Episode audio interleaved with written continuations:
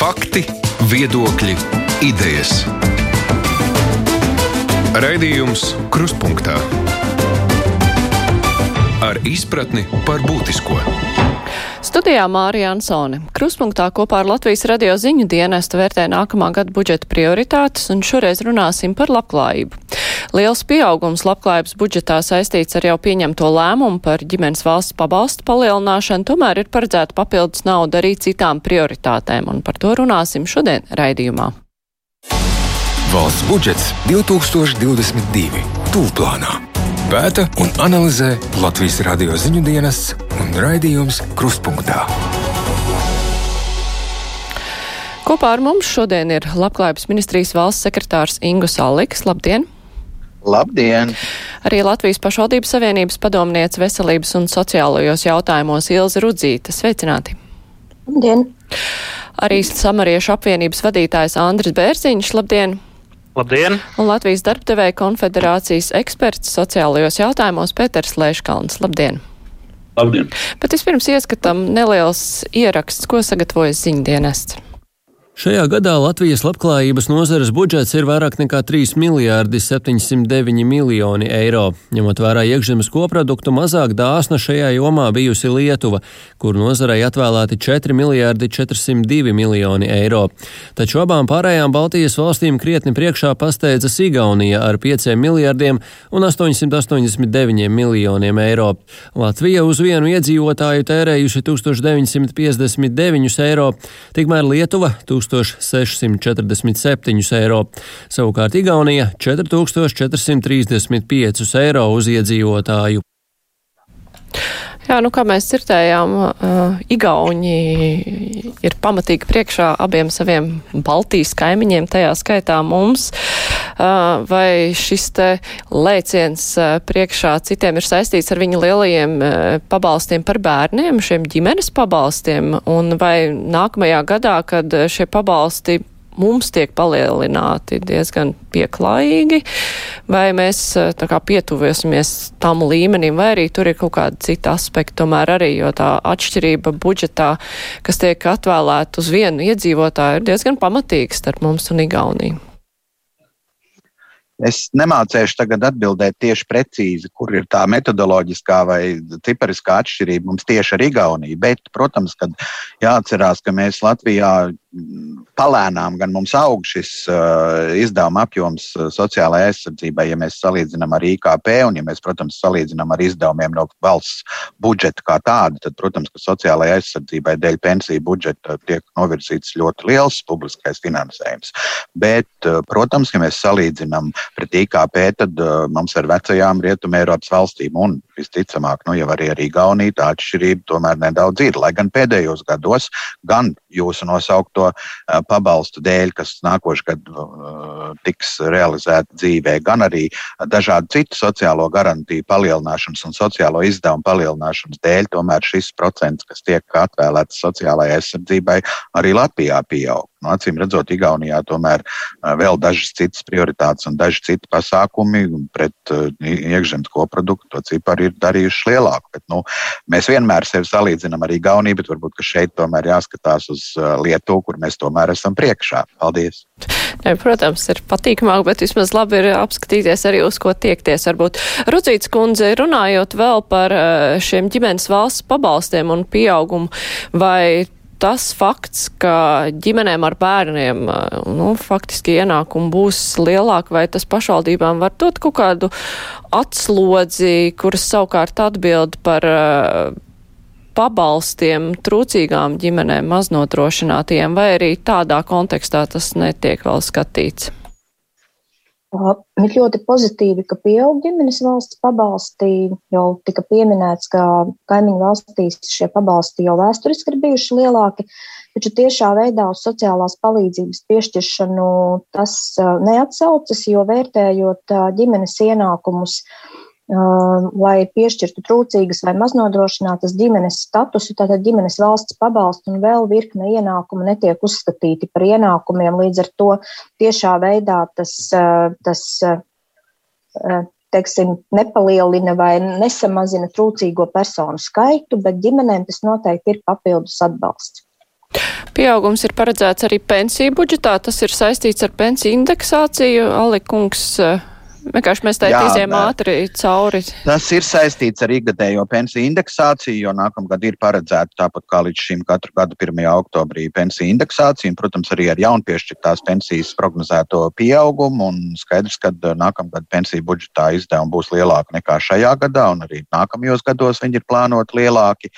Uh, jautājums, protams, tas, kas mums netika atrisināts līdz galam, bet prioritārijos pasākumos bija paredzēts, bija šī pensiju piemaksu atjaunošana par darba stāžu līdz 96. gadam tām personām, kas pensionējušās pēc 2012. gada 1. janvāra.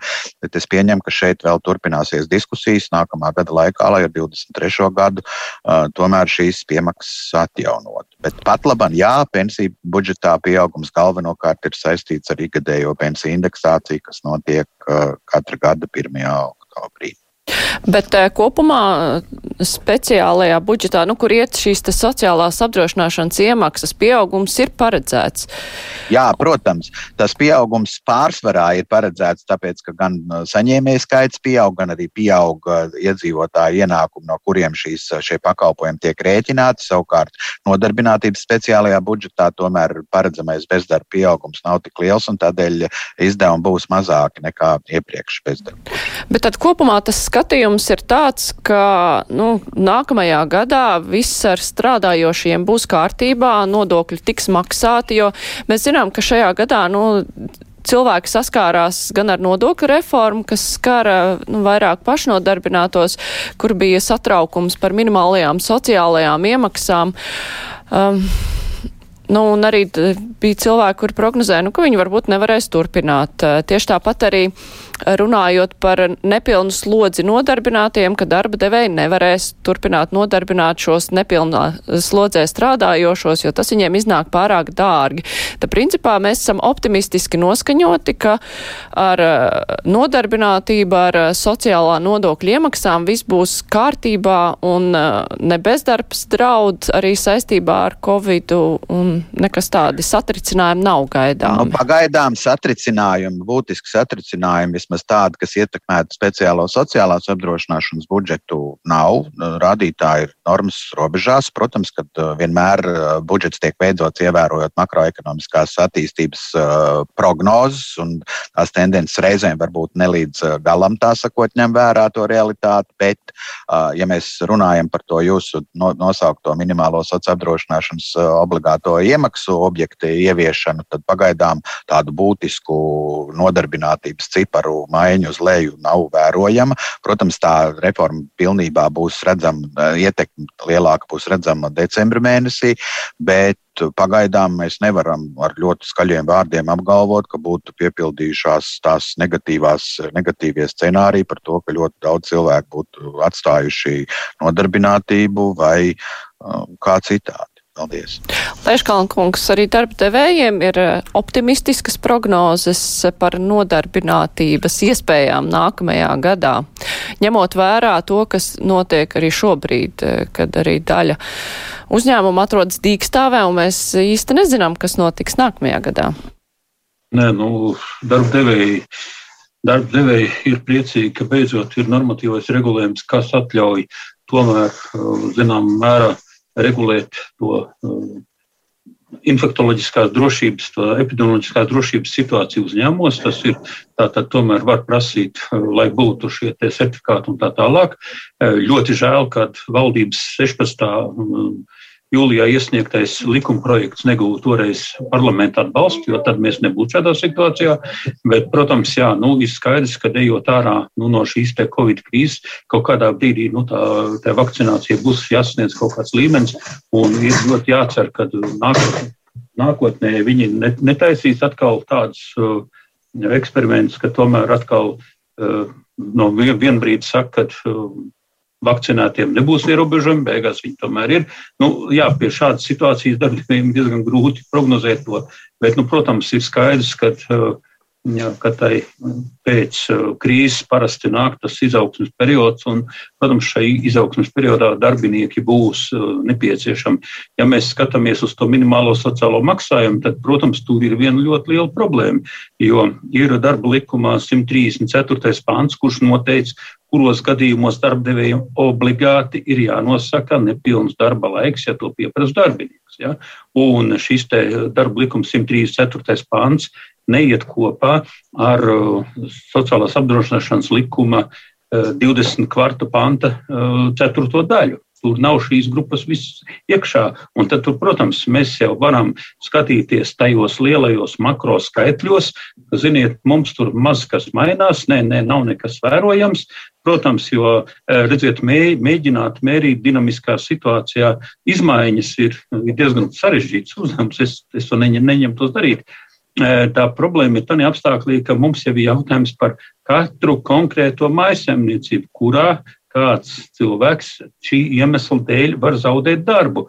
Un, jā, lielajos skaitļos pie 900 vai no 800 vai 900 tūkstošu nodarbinātajiem tos var pat nepamanīt. Viņi vienkārši pat nu, pazūd tajā kopējā masā, kad, nu jā, viss ir kārtībā, jo, protams, ir, šo, kā jau mēs zinām, jau vairākus gadus pēc kārtas mums jauno cilvēku, kas ienāk darba tirgu, ir vidēji par desmit tūkstošiem mazāk nekā uh, izstājas no darba tirgus vecuma vai citu iemeslu dēļ. Uh, tas ir katru gadu. Līdz ar to, protams, ka uh, nu, šis te, nu, nodarbinātības līmenis jau no tā īpaši nemainīsies. Jā, katrā ziņā, manuprāt, minimālās sociālās apdrošināšanas iemaksas ir labs pasākums, tomēr ir šiem likumiem jābūt saskaņotiem. Tātad sociālās apdrošināšanas likuma 20 kvartu pants 4. daļai ir jābūt saskaņotāji ar Eh, darba likuma 134. pānta pirmo daļu.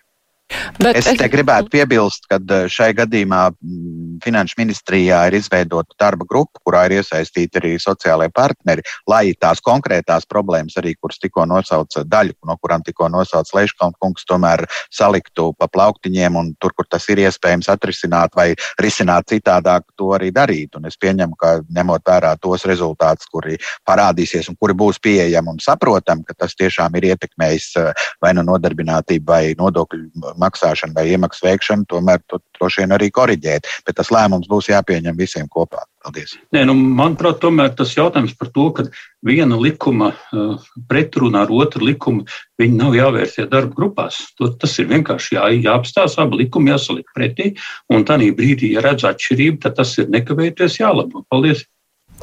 Jā, nu, cik var saprast, ministrijas pie tā strādās, bet es vēl gribēju ļoti ātri iziet cauri vēl, vienam, vēl vienai lietai, kas saistās ar labklājības ministriju ar labklājības budžetu, un tas ir eh, GMI garantētais minimālais ienākums. Tas eh, lielā mērā attiecās arī uz pašvaldībām un pašvaldību budžetiem. Eh, šie te satversmes tiesas lēmumi, kas noteica, ka ir jānosaka ļoti skaidri saprotam kritēriji, kā tiek noteikts šis garantētais minimālais ienākums, eh, tas jau ir rezultējies, eh, nu, pirmkārt jau šī minimālā ienākuma palielināšanā, bet uh, nākamajā gadā tas kaut kā parādīsies budžetā vai ir runa tikai par jau tālāko aiznākamā gada budžetu? Ah, tas eh, tālāk, eh, tālāki paaugstinājumi, ievērojot to metodi, arī, kas tika nostiprināta pagājušajā gadā, gan vēl pagaidām tikai eh, likuma anotācijā, paskaidrojot, ka tie ir relatīvās nabadzības rādītāji ņemšana vērā, jeb 20% no mediānas vidējiem ienākumiem uz vienu maisaimniecības locekli. Bet šajā gadā, augustā, tika valdībā akceptēts tālākais plāns minimālā ienākuma līmeņa sistēmas attīstībai un ar 23. gadu gadu. Tātad regulāri katru gadu šis eh, garantētā minimālā ienākuma līmeņa, līmenis tiks pārskatīts un uh, tādā veidā arī nostiprināts. Nākamajā gadā tiešā veidā nemainās nekas attiecībā uz garantētā minimālā ienākuma līmeni un dzīvokļu mājokļu pabalstiem. Tomēr, protams, ievērojot to, ka būtisks pieaugums šajā gadā un arī nākamajā ir paredzēts mājokļu pabalstu pieaugumam, un tas būs droši vien paliels, paliels palielinājums arī pašvaldību budžetos, mēs virzījām uh, ideju par to, ka būtu jāpalielina, jāievieš līdzfinansējums šo abu pamata sociālās palīdzības pabalstu nodrošināšanai pašvaldībām. Diemžēl valdība izšķīrās un pagaidām par to, ka šis līdzfinansējums tiks nodrošināts no 2023. gada. Nākamgad tad vēl raudzīsimies un skatīsimies, kāda tā situācija ir, bet es pieņemu, ka tās diskusijas vēl varētu arī turpināties par to, kādā veidā tad pašvaldībām palīdzēt pieauguma nodrošināšanai, bet pagaidām normatīvajos aktos grozījumi par to, ka šie 30%, kas arī mūsu garantētā minimālā ienākuma plāna, attīstības plāna ietveros bija paredzēti ar nākamā gada 1. janvāri nav. Bet nākamā gadā arī neceļās šis, vēl neceļās šis uh, garantētā minimālā ienākuma līmenis. Tas būs tikai ar 23. gadu. Bet ko pašvaldībām tas nozīmē, ka valsts pagaidām nepiedalās, jo sākumā jau bija plāns, uh, labklājības ministrija piedāvāja jau no nākamā gada, vai pašvaldības ar to kaut kā bija rēķinājušās, un ņemot, vērā vispārējo situāciju, arī droši vien, ka skatoties uz visām energoresursu cenu kāpumu, kas var pasliktināt mājasēmniecību līmeni vai pašvaldībām šī te valsts nepiedalīšanās pagaidām, vai tas ir nu, liels trieciens, apgrūtinājums, Rudzīts kundze, kā jūs komentētu? Uh, Diemžēl, kā jau Alika kungs teica, netika pildīta šī vienošanās, ko mēs kā sastarpēji panācām uh, šī jaunā plāna virzīšanas procesā, ka jau ar nākamo gadu ir šis, līdz, ka ir šis līdzfinansējums gājumi un dzīvokļa pabalstam.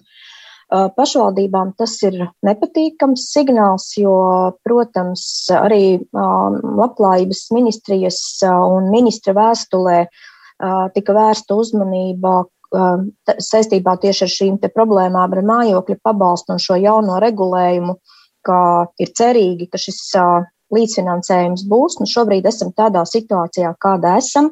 Tas, ko es varu minēt, ka situācija pašvaldībās un arī reģionālajā griezumā ir ļoti atšķirīga.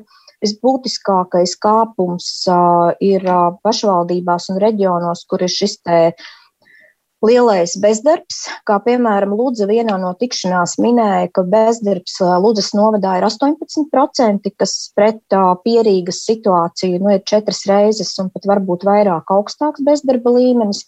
Noteikti tā, tā ir demografiskā situācija, un es domāju arī klausoties šo iepriekšējo diskusiju par nodarbinātību un iespējamo bezdarbu, noteikti ietekme būs arī tam, uh, kāda tad ir šī nodarbinātības struktūra pašvaldībā, vai tie ir lielie uzņēmumi, kas turpinās savu darbību un noturēsies, vai tas ir galveno, galvenokārt pakalpojumu sniedzēji, nelieli veikali, skaistumkopšana un tam līdzīgi. Nu, šī ietekme droši vien būs jūtama un redzama un vērtējama nākamajā gadā.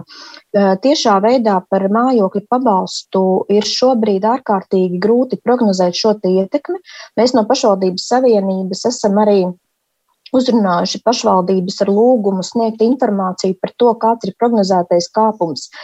Gan saistībā ar jauno mājokļu pabalsta regulējumu, gan ar energo resursu cenu kāpumu, bet ir, m, arī šeit tā situācija ir ļoti atšķirīga, jo arī medijos un publiski pieejamā informācija liecina, ka arī kaut vai apkuras tarifu šis kāpums ir ļoti atšķirīgs kāpums vai kritums, un šīs visas lietas noteikti ietekmēs to apjomu, kādā katrā pašvaldībā būs, būs nepieciešams šis finansējums mājokļu pabalstam. Runājot par garantētā minimālā ienākuma līmeņa pieaugumu kopumā valstī, mm, Šī gada astoņos mēnešos kāpums ir par 80% pret pagājušā gada kāpumu. Varbūt naudas izteiksmē tas nav tik ļoti būtisks.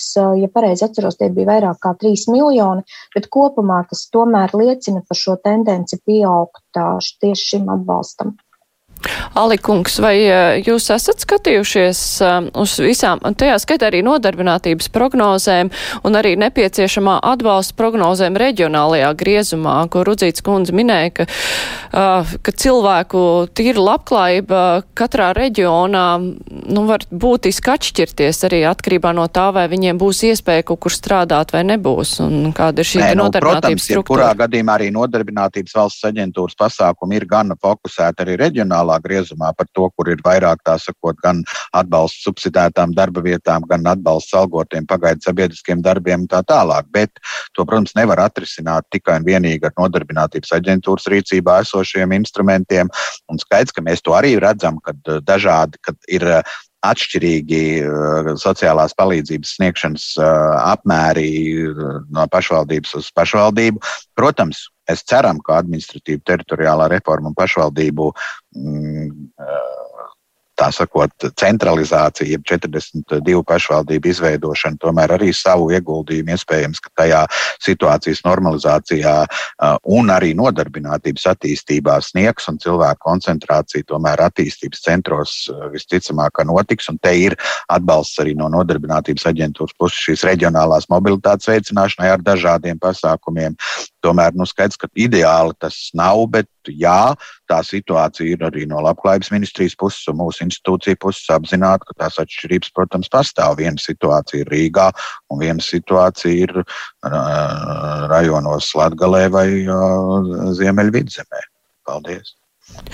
Jā, es jau pieminēju šo energoresursu cenu kāpumu, ko iedzīvotājs sajūt, jau tagad sajūtīs, kā uh, gan apkurs tarifu pieaugumu, kas turklāt nav apstājies, gan arī kā elektrības cenu pieaugumu, arī kā degvielas cenu pieaugumu.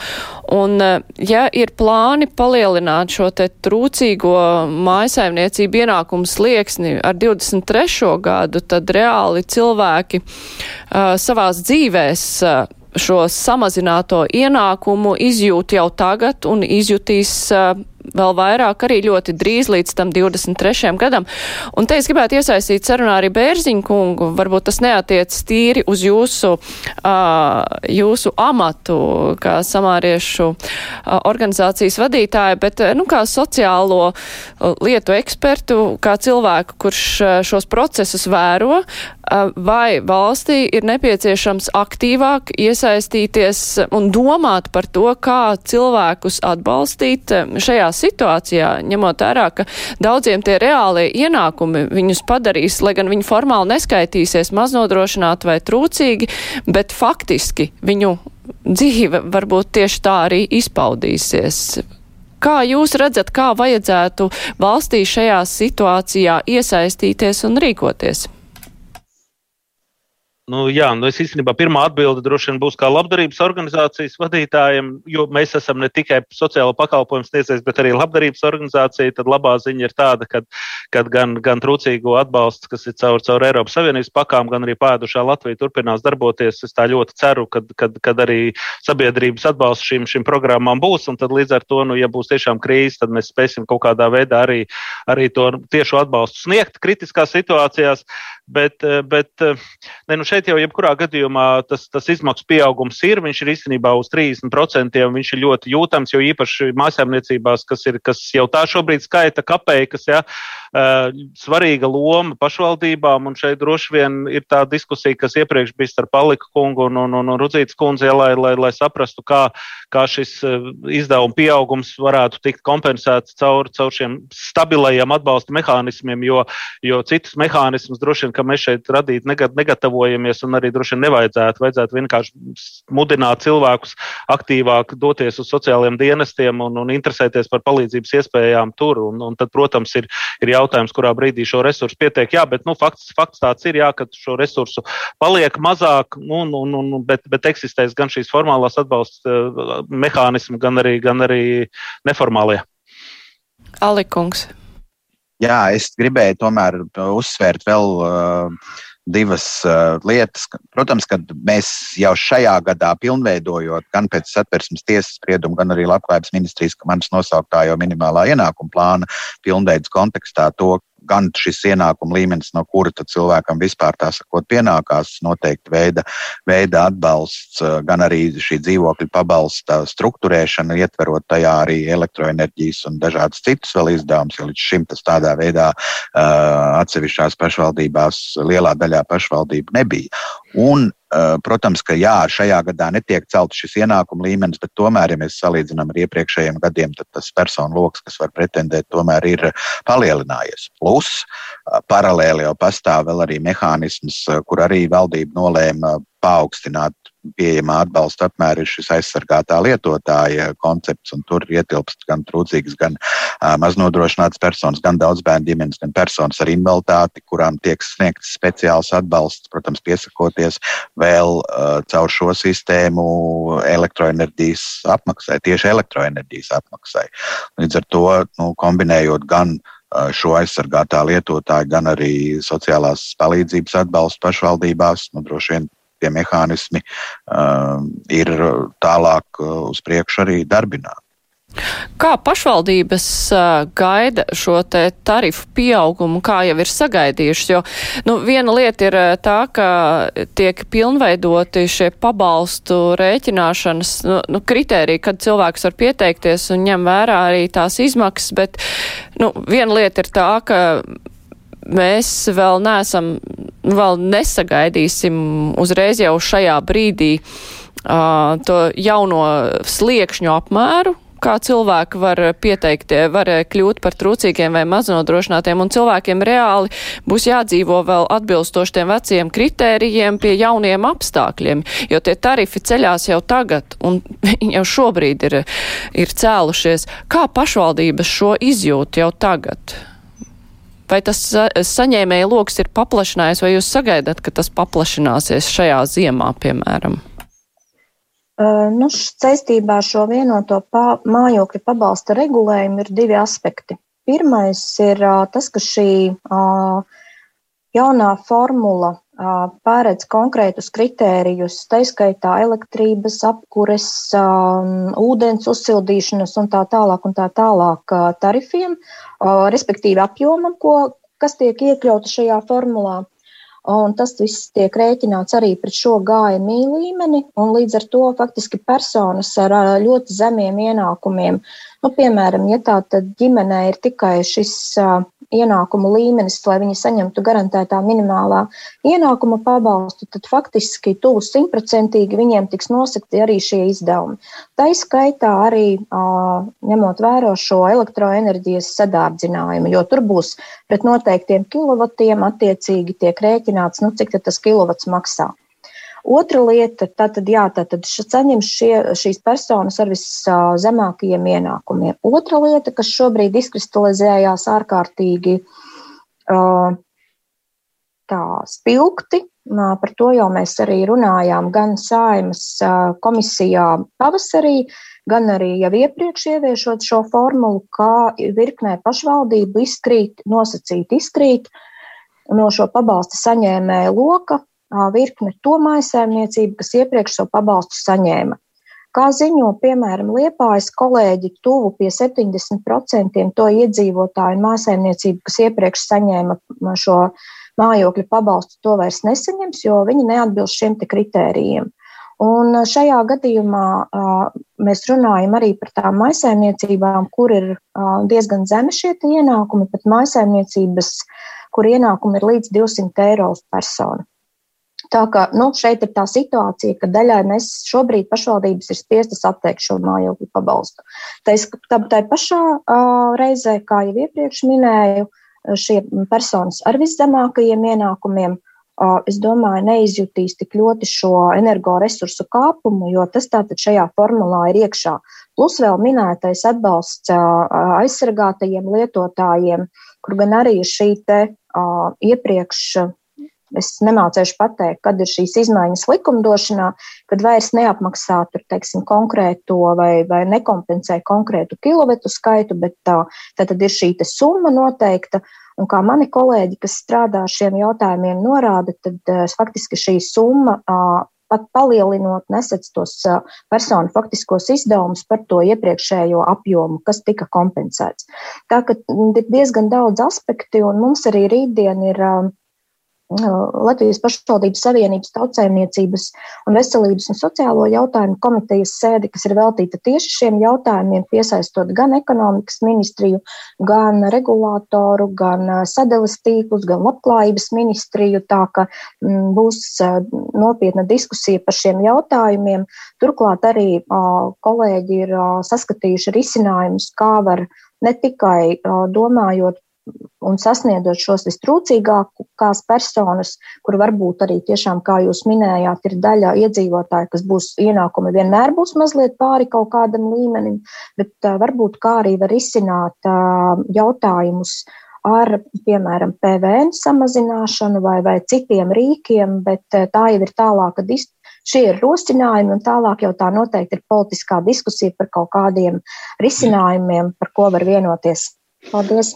Alikungs, jūs gribējāt papildināt? Jā, es gribēju papildināt. Jā, protams, ka ir atsevišķās pašvaldībās, tā kā jau Rudzīts kundze teica, izkristalizējies, ka nosacīti izkrīt uh, maisaimniecības, kuras līdz šim varēja pretendēt uz mājokļu pabalstu. Bet te tomēr tas jautājums jau ir, mēs atduramies tajā nepietiekamajā finansējumā un visticamāk, ka tajā brīdī, ja mēs atrastu papildus naudu un arī atrastu valsts budžetā šos līdzfinansēšanas iespējas, tad arī pašvaldības varētu savos saistošajos noteikumos, un mēs arī domājam ļoti nopietni, varbūt, ka tomēr ir jāprecizē arī ministra kabineta noteikumi vai likums, pasakot, ka eh, noteikti veidu mājsaimniecībām piemērojams augstāks koeficients, lai viņš nu, nosacīti neizkristu cauri tam sociālās drošības tīklam un uz to mājokļu pabalstu varētu pretendēt. Tagad tā ir drusku tāda stīvēšanās starp valsti un pašvaldībām, sakot, ka jaunais regulējums to liedz. Nē, jaunais regulējums to īsti uh, neliedz. Šajā jautājumā tas uh, būtiskākā lieta ir tā, ka nepietiek finansējums, lai nosaktu tiem, kuriem līdz šim var būt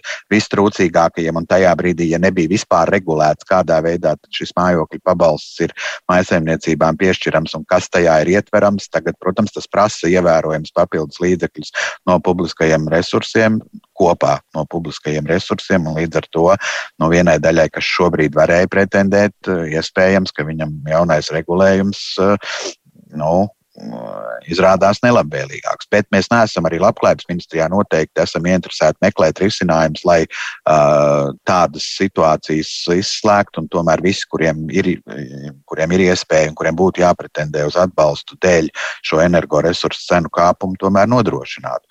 Un daļēji, protams, tas nav tiešā veidā saistīts, jo tas ir vakcinācijas veicināšanas maksājums, bet senioriem visiem, kur ir vakcinējušies, tomēr no novembra līdz martam uh, parlaments pagājušajā nedēļā nedēļā izšķīrās par šo 20 eh, kopumā 100 eiro atbalstu, tad 20 eiro katru uh, mēnesī, no kuru tad uh, seniors varēs iznie, izli, izlietot pēc saviem ieskatiem, tā skaitā droši vien arī, ja pieaug tie rēķini. Paldies! Rudzīts kundze. Jā, um, es pilnīgi piekrītu Alika kungam, ka sociālo pakalpojumu palīdzības likumā mēs esam uh, faktiski iestrādājuši šo normu, ka pašvaldība var noteikt augstāku koeficientu, taču tas ir saistīts ar uh, to, kāds ir finansējums pieejams uh, konkrētajam uh, pabalstam. Un ja šajā brīdī mēs nespējam un nevaram tīri objektīvu apstākļu dēļ prognozēt šo ietekmi uz pašvaldību budžetu, droši vien ir pamatoti, kādēļ pašvaldības ir ļoti piesardzīgas ar šo koeficientu piemērošanu. Bet es īsti negribētu piekrist arī, ka mm, tā ietekme ir tikai tajās pašvaldībās, kur nebija šis regulējums, jo arī esmu komunicējusi ar Rīgas domas labklājības departamentu un arī to, ko ir teikuši kolēģi no Rīgas, bet īpaši, jo šī ir faktiski regulējums, kas iepriekš tika piemērots tieši Rīgā, un vēsturiski tas ir šis risinājums, kas ir šobrīd visā Latvijā. Tad kolēģi saka, ka arī viņiem nākamā gada budžetā papildus un neko nemainot šajā formulā ar koeficientiem un tam līdzīgi ir nepieciešami nu, provizoriski no 900 līdz 1000 eiro līdz pusotram miljonam eiro. Tā kā arī tur ir ietekme, tie ir kolēģi aprēķini. Protams, ņemot vērā gan resursu kāpumu, cenu kāpumu un visas arī šais mērķgrupas palielināšanos. Paldies! Leškalna kungs, Jā, bet šeit zināmā mērā. Uh, jā, nu pabeidziet, tad es uzdošu. Šeit zināmā mērā, protams, ir tāda nosacīta pretruna par to, ka mēs no vienas puses mums trūkst līdzekļu un pieaugtie izdevumi, bet skaidrs, ka būs arī uh, maisaimniecības, kas līdz šim nav vērsušās un vērsīsies pēc tās palīdzības, un kā jūs sakat, viņi varbūt ir drusku virs tā, un tad būs jautājums par izšķiršanos, kam publiskais resurss pašvaldības un valsts izskatā ir spējīgs palīdzēt, jo nu, pēc teorijas droši vien 50% sabiedrības tādā veidā palīdzēt nav iespējams nu, būs jāmeklē tie risinājumi, bet nu, tā pretruna, pretruna tur zināmā mērā ir. Paldies! Lēškalnkungs, kāds jūs redzējums, domājot par atbalstu tīri saistībā ar visu energoresursu kāpumu, nu, kam nevajadzētu izbirt cauri tam sietam? Nu, pirmā, pirmā lieta jau mums jāstāsta uz to, ka uz to energoresursu cenu vēsturi. Ja? Tas, ka mēs pagājušā gadā piedzīvām zinām to tarifu kritumu, Un tad, protams, ka šogad mums tas uzreiz ir ļoti stipri jūtams, nu, ka viņš tagad pēkšņi kāpj. Bet mums ir jāatcerās, kāds, kāds bija tie tarifi pirms tam. Un, Protams, jā, elektroenerģija aug, bet uh, maisaimniecību budžetos pamatā gadījumā tā nav liela izmaksa, izņemot tad, ja kaut kas tiek sildīts, tā tad vai nu tiek sildīts uh, karstāts ūdens ar elektrību, vai, vai, vai tiek um, vispār dzīvoklis apsildīts. Tas, tas, protams, tās, protams, ir ļoti augsts izmaksas, bet tas parasti nav to maisaimniecību lokā.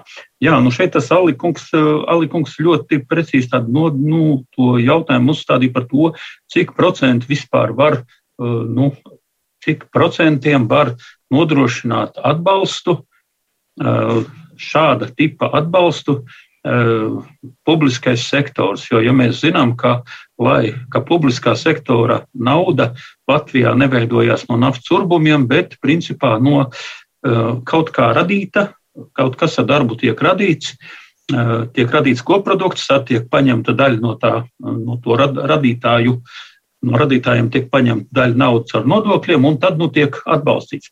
Tas vienmēr būtu jāņem vērā, tāpēc, ka atbalstam jābūt diezgan precīzi vienmēr mērķētam. Uh, jā, protams, visu laiku būs kaut kādas grupas, kas izkritīs, bet nu, jā, nu, te ir tas, te tas lielais jautājums.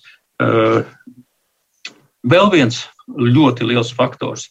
Aptuveni 20 gadu Latvijā runā par to, ka ir mājokļi jāsiltina. 20 gadu par to tiek runāts mēs tērējam uz kvadrātmetru apsildāmās platības divreiz vairāk nekā Zviedrijā.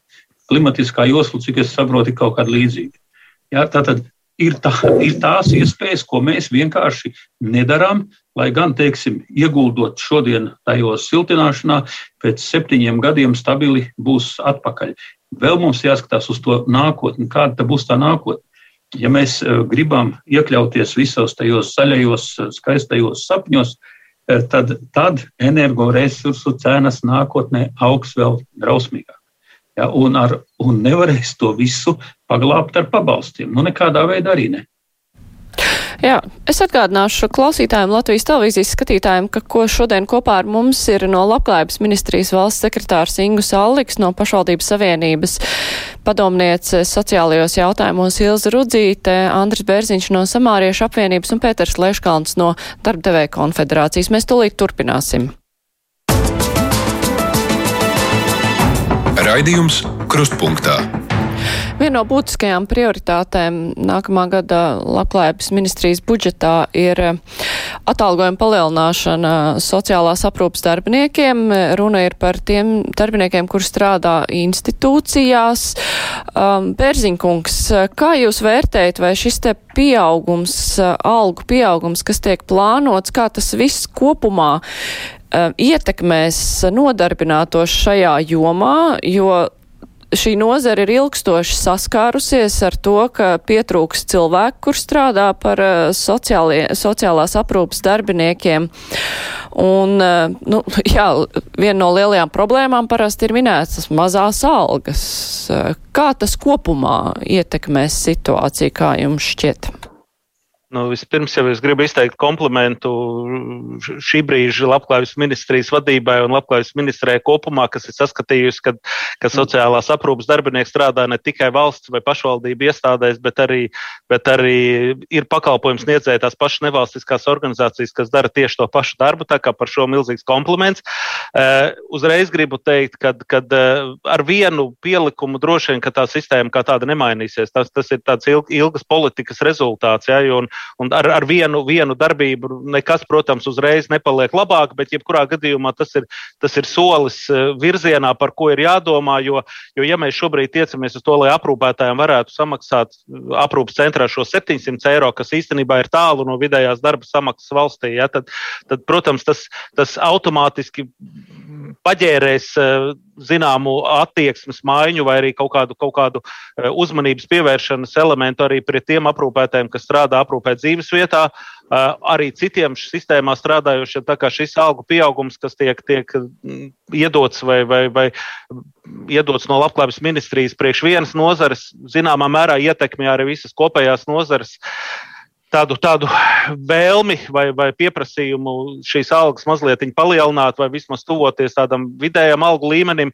Bet tas, protams, būs saistīts ar to, ko varēs atļauties pašvaldības. Un te būtu, protams, labais jautājums, ja vai, vai, vai pašvaldību budžetos būs šie resursi. Protams, tā ietekme ir ar kaut kādu novēlotu efektu, ar kādu, kādu, kādu garāku efektu, bet tas efekts viennozīmīgi būs. Eh, viennozīmīgi, kā pakalpojums sniedzējs, es gribu teikt, ka eh, pakalpojumu piedāvājums dēļ DI plāna, dēļ eh, atbalsta atbalsta instrumentiem būs lielāks. Viennozīmīgi tas nozīmē arī tas, tas resursu, nepieciešamo resursu apjoms, kas būs šo pakalpojumu apmaksai, arī viennozīmīgi palielināsies. Tas ir, tas ir diezgan izaicinājumiem pilns gads, jo mums būs jāsaprot, kā no, no, no tiem resursiem, kas šobrīd lielākoties ir, jo pakalpojums galvenokārt finansē tomēr pašvaldības, kā, kā pašvaldībās izdosies šo, šo reformu sa, salāgot ar šo pieprasījumu un tā tālāk. Un te noteikti, ja jau es esmu pie vārda, tad būtu viens, viens ierosinājums labklājības ministrijai, domājot arī par nākošā gada periodu, vai arī iespējams jau, jau kaut kādās starposmos, eh, ņemot vērā šie minimālā pakalpojuma groza komponenti, skatīties, varbūt ir kaut kādi pakalpojumi, ko varētu arī tad, tad, tad uzņemties arī no centrālā budžeta. Jā, e, Jā Alikungs. Varu tikai piekrist uh, Bērziņa kungam attiecībā uz to, ka droši vien būs jādomā, kurš par kuru pakalpojumu un kādā veidā maksā vai finansē. Un mums arī pagā, aizpagājušajā nedēļā valdība akceptējot informatīvo ziņojumu par šo būtisko sociālo, minimālo sociālo pakalpojumu grozu attīstību, mēs nekavējoties sākam arī gan normatīvā regulējuma grozīšanu, gan arī izpēti un lietu, kādā veidā tad varētu finansēt, lai visiem nodrošinātu to minimālā pakalpojumu grozu. Grozu, un es pieņemu, ka būs daļa pakalpojumu, kur par šo finansēšanu būs tā solidārā atbildība valstīm pašvaldībai jāuzņemās, bet tas neatbrīvo, protams, arī pašvaldības raudzīties, lai vismaz aprūpas mājā pakalpojums un vēl daži pakalpojumi, kas jau šobrīd likumdošanā ir paredzēti kā obligāti, jeb obligāti nodrošināmi, tiktu nodrošināti. Paldies. Rudzīts kundze, kā tas izskatās no pašvaldību puses, vai pašvaldības to var celt?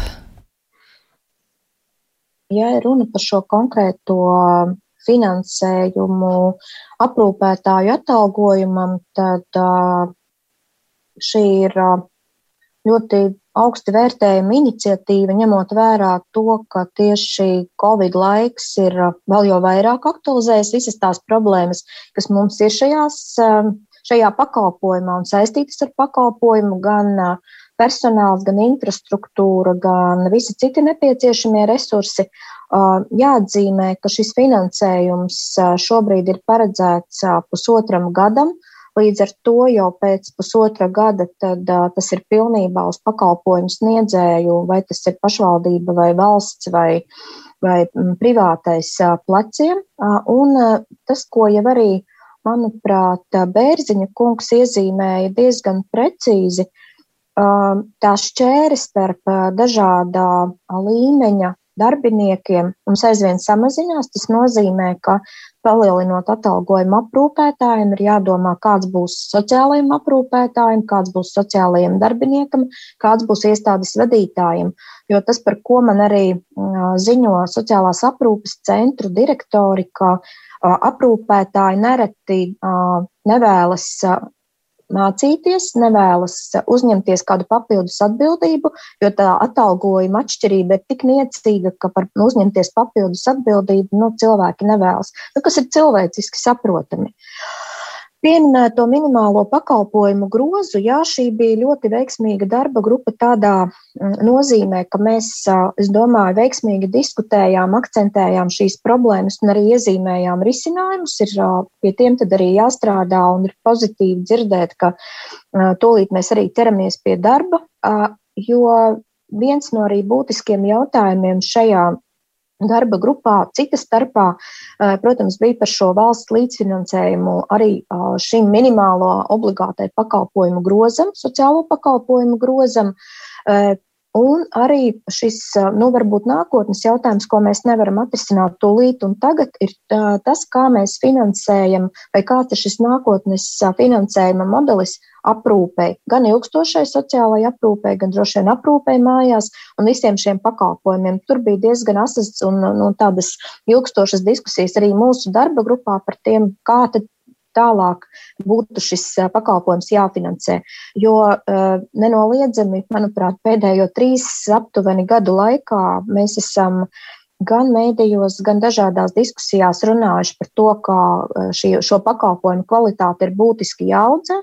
Cilvēkiem ir jādzīvo savas vecumdienas cienīgos apstākļos, un tad, tad tie visi izaicinājumi, kas tiešā veidā ar to saistīti. Bērziņkungs, kā jums šķiet, vai tajā skaitā šajos apstākļos, kad Covid ir parādījis, cik viegli var izpildīt? izplatīties uh, institūcijās vai lielāks akcents nav jāliek uz aprūpi mājās, un par to vairāk jādomā, vai tālajoši tas nav skatāms tādā kontekstā.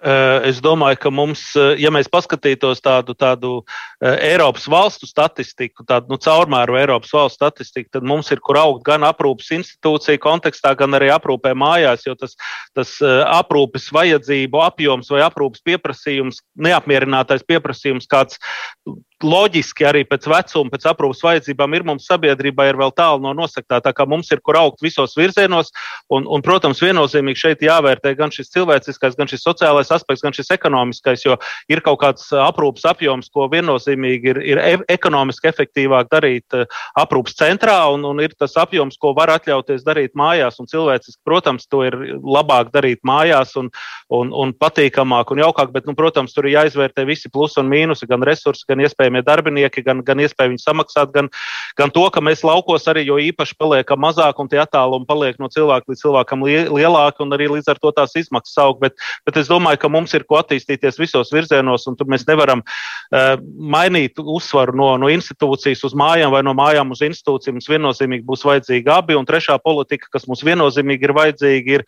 ir šo, šo neformālo aprūpētāju, kā viņas Eiropas Savienībā sauc, jeb, jeb piederīgo atbalsta sistēmas, lai, lai mēs veicinātu arī to, ka paši, paši piederīgie iespējami ilgi var uzņemties kaut kādu līdzatbildību par, par, par šo, šo aprūpi un par šo palīdzību cilvēkiem, kas nonāk šajās aprūpas vajadzībās. Tā kā mums ir īstenībā šeit vēl ko darīt un darīt, un, un, un es vienkārši atvēru, atvēru statistiku, kā, kāda ir par, par sākuma ciparos par, par kopējo izdevumu apjomu uz vienu cilvēku, un tad es apskatījos, ka Eiropas Savienībā vidēji ir, ir 9738 eiro uz vienu, vienu cilvēku vidēji, un Latvija ar saviem 1900 vēl ir īstenībā ceļā ceļā uz augšu, labā tendence, ka mēs pieaugam, eh, bet, protams, mums vēl ir ļoti daudz eh, iespēju.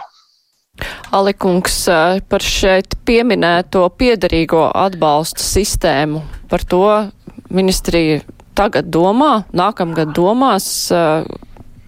Nu, es neteikšu, ka tas būs nākamgad atrisināmais jautājums. Nākamgad mēs visticamāk nonāksim arī pie direktīvas par uh, aprūpētāju atvaļinājumu ieviešanas uh, termiņu, kas nozīmē, ka uh, cilvēkam arī, kurš aprūpē savus piedarīgos, būs arī tiesības uz pieciem, uh, piecām dienām gadā uh, aprūpēt. Tur gan tās diskusijas par to, kurš to apmaksā, mums vēl ar sociālajiem partneriem arī nav līdz galam noslēgušās. Bet, uh, Visticamāk, jau pareizāk, protams, būtu, ka šo aprūpas pakalpojumu sniedz profesionāli vai no aprūpas mājās, vai institucionāls, vai ģimeniskai vidē pietuvinātu pakalpojumu palīdzību un uh, ģimenes loceklis tikai nu, epizodiski vai tik, cik kā ģimenes loceklim būtu jāiesaistās šajā aprūpē. Bet jā, es pieņemu, ka mums tālākā nākotnē būs jādomā arī par iespējams kaut kādu citu atbalstu veidu arī, arī ģimenēm, jo, nu, ja ģimenes locekļiem, jo, nu, Atlapan, ne, nelieksimies, liela daļa cilvēku jau to pat atstāja darbu, lai varētu kopt šo ģimenes locekli. Nekāda tāda tieša uh, finansiāla atbalsta no publiskā sektora jau pagaidām mums nav. Jautājums, vai vajag, manuprāt, droši pareizāk tomēr būtu to, to, ja tie no publiskiem resursiem, to dara profesionāļi, bet uh, es pieņemu, ka tā kā jau Pērziņkungs teica, mums tas pieprasījums ir lielāks nekā piedāvājums. Jā, jo cilvēkiem tajā brīdī, ja viņam jāsaskarās ar to, kurš viņam to cienījumu vecumu sasniegšu, ka ģimenes locekli aprūpēs, nu īsti nav vieta ne, sociālās aprūpas institūcijā ilgstoši, ne arī citu pakalpojumu tajā brīdī. Droši. Tas gan arī atšķirās no pašvaldības uz pašvaldību, no vietas uz vietu, bet pieprasījums, jā, viņš ir lielāks nekā piedāvājumu. Bērziņkungs, ja jūs varētu noraksturot pāris minūšu laikā, kas ar to bija domāts ar šo atbalstu? Nē, ar to bija domāts ar to, ka mums ir visas šīs trīs, šīs trīs grupas ir svarīgas, gan institūcijas, gan aprūp mājās, gan arī, gan arī šie neformāli aprūpētāji. Nu, tas bija domāts ar to, ka, ka mēs nevaram aizmirst vienu vai likt visus vēršus vienā kulītē, jo katrs cilvēks droši vien ir savādāks. Bet es izmantotu iespēju vēl vienu mazu komplimentu labklājības ministrijai. Gribu teikt, ka, ka protams, līdz ar šo atvesaļošanās programmu ir daudz uzsvara likts uz, uz ģimeniskai vidē pietuvināto pakalpojumu attīstību un arī uz, uz, uz digitālo risinājumu plašāku izmantošanu izmantošanu. Tā kā, tā kā ir arī tādas labas iestrādes, kas, kas, kas droši vien rezultēsies nākošajā un nākošajos gados. Jā, ne, tas jautājums bija par eh, to, kā atbalstīt eh, ģim piedarīgos, eh, kuri paši veic šos pienākumus tur ir ļoti daudz īstenībā tie mehānismi, bet tas ir tiešām tāds, tāda, tāda, tāda politikas izšķiršanās, jo nevar visu likt uz vienu, vienu jo īstenībā tiešām Ziemeļvalstīs un, un arī mūsu reģionā vairāk uzsver tiek lietas uz šo profesionālo aprūpi, bet ir daudz lietas, ko var darīt arī nu, vienkārši, lai, lai, lai šo, šo piedarīgo mazliet atbalstītu. Un tur ir gan, gan attaisnotajos izdevumos, ir risinājumi, kā var likt izdevumus, ir kaut kādas lietas, kā vēl var atbalstīt. Ar, ar, nu, nu, tur ir droši vien tāda vesela, vesela gara saruna, tā kā droši vien mēs te neiekļausimies piecās minūtēs. Jā, nu par šiem jautājumiem tiešām eh, tas ir eh, atsevišķas diskusijas vērts jautājums, jo tas ir aktuāli ārkārtīgi daudzām ģimenēm, eh, kuras kopi kādu cilvēku mājās un bieži vien no ārpus nemaz citi nenovērtē to darbu, kas tur ir reāli ieguldīts. Bet es teikšu paldies mūsu diskusijas dalībniekiem. Šodien kopā ar mums bija Labklājības ministrijas valsts sekretārs Ingu Sāliks, Latvijas pašvaldības savienības padomniece veselības un sociālajos jautājumos. Ilza Rudz Rudzīte, tāpat arī Samariešu apvienības vadītājs Andris Bērziņš un Latvijas darbdevēja konfederācijas eksperts sociālajos jautājumos Pēters Lēškalns. Paldies, ka varējāt būt kopā ar mums šajā stundā. Ar to raidījums arī skan raidījuma producenti Revija Unāma studijā bija Māra Jansone un atkārtojumā mūs varat klausīties katru dienu pēc deviņiem vakarā.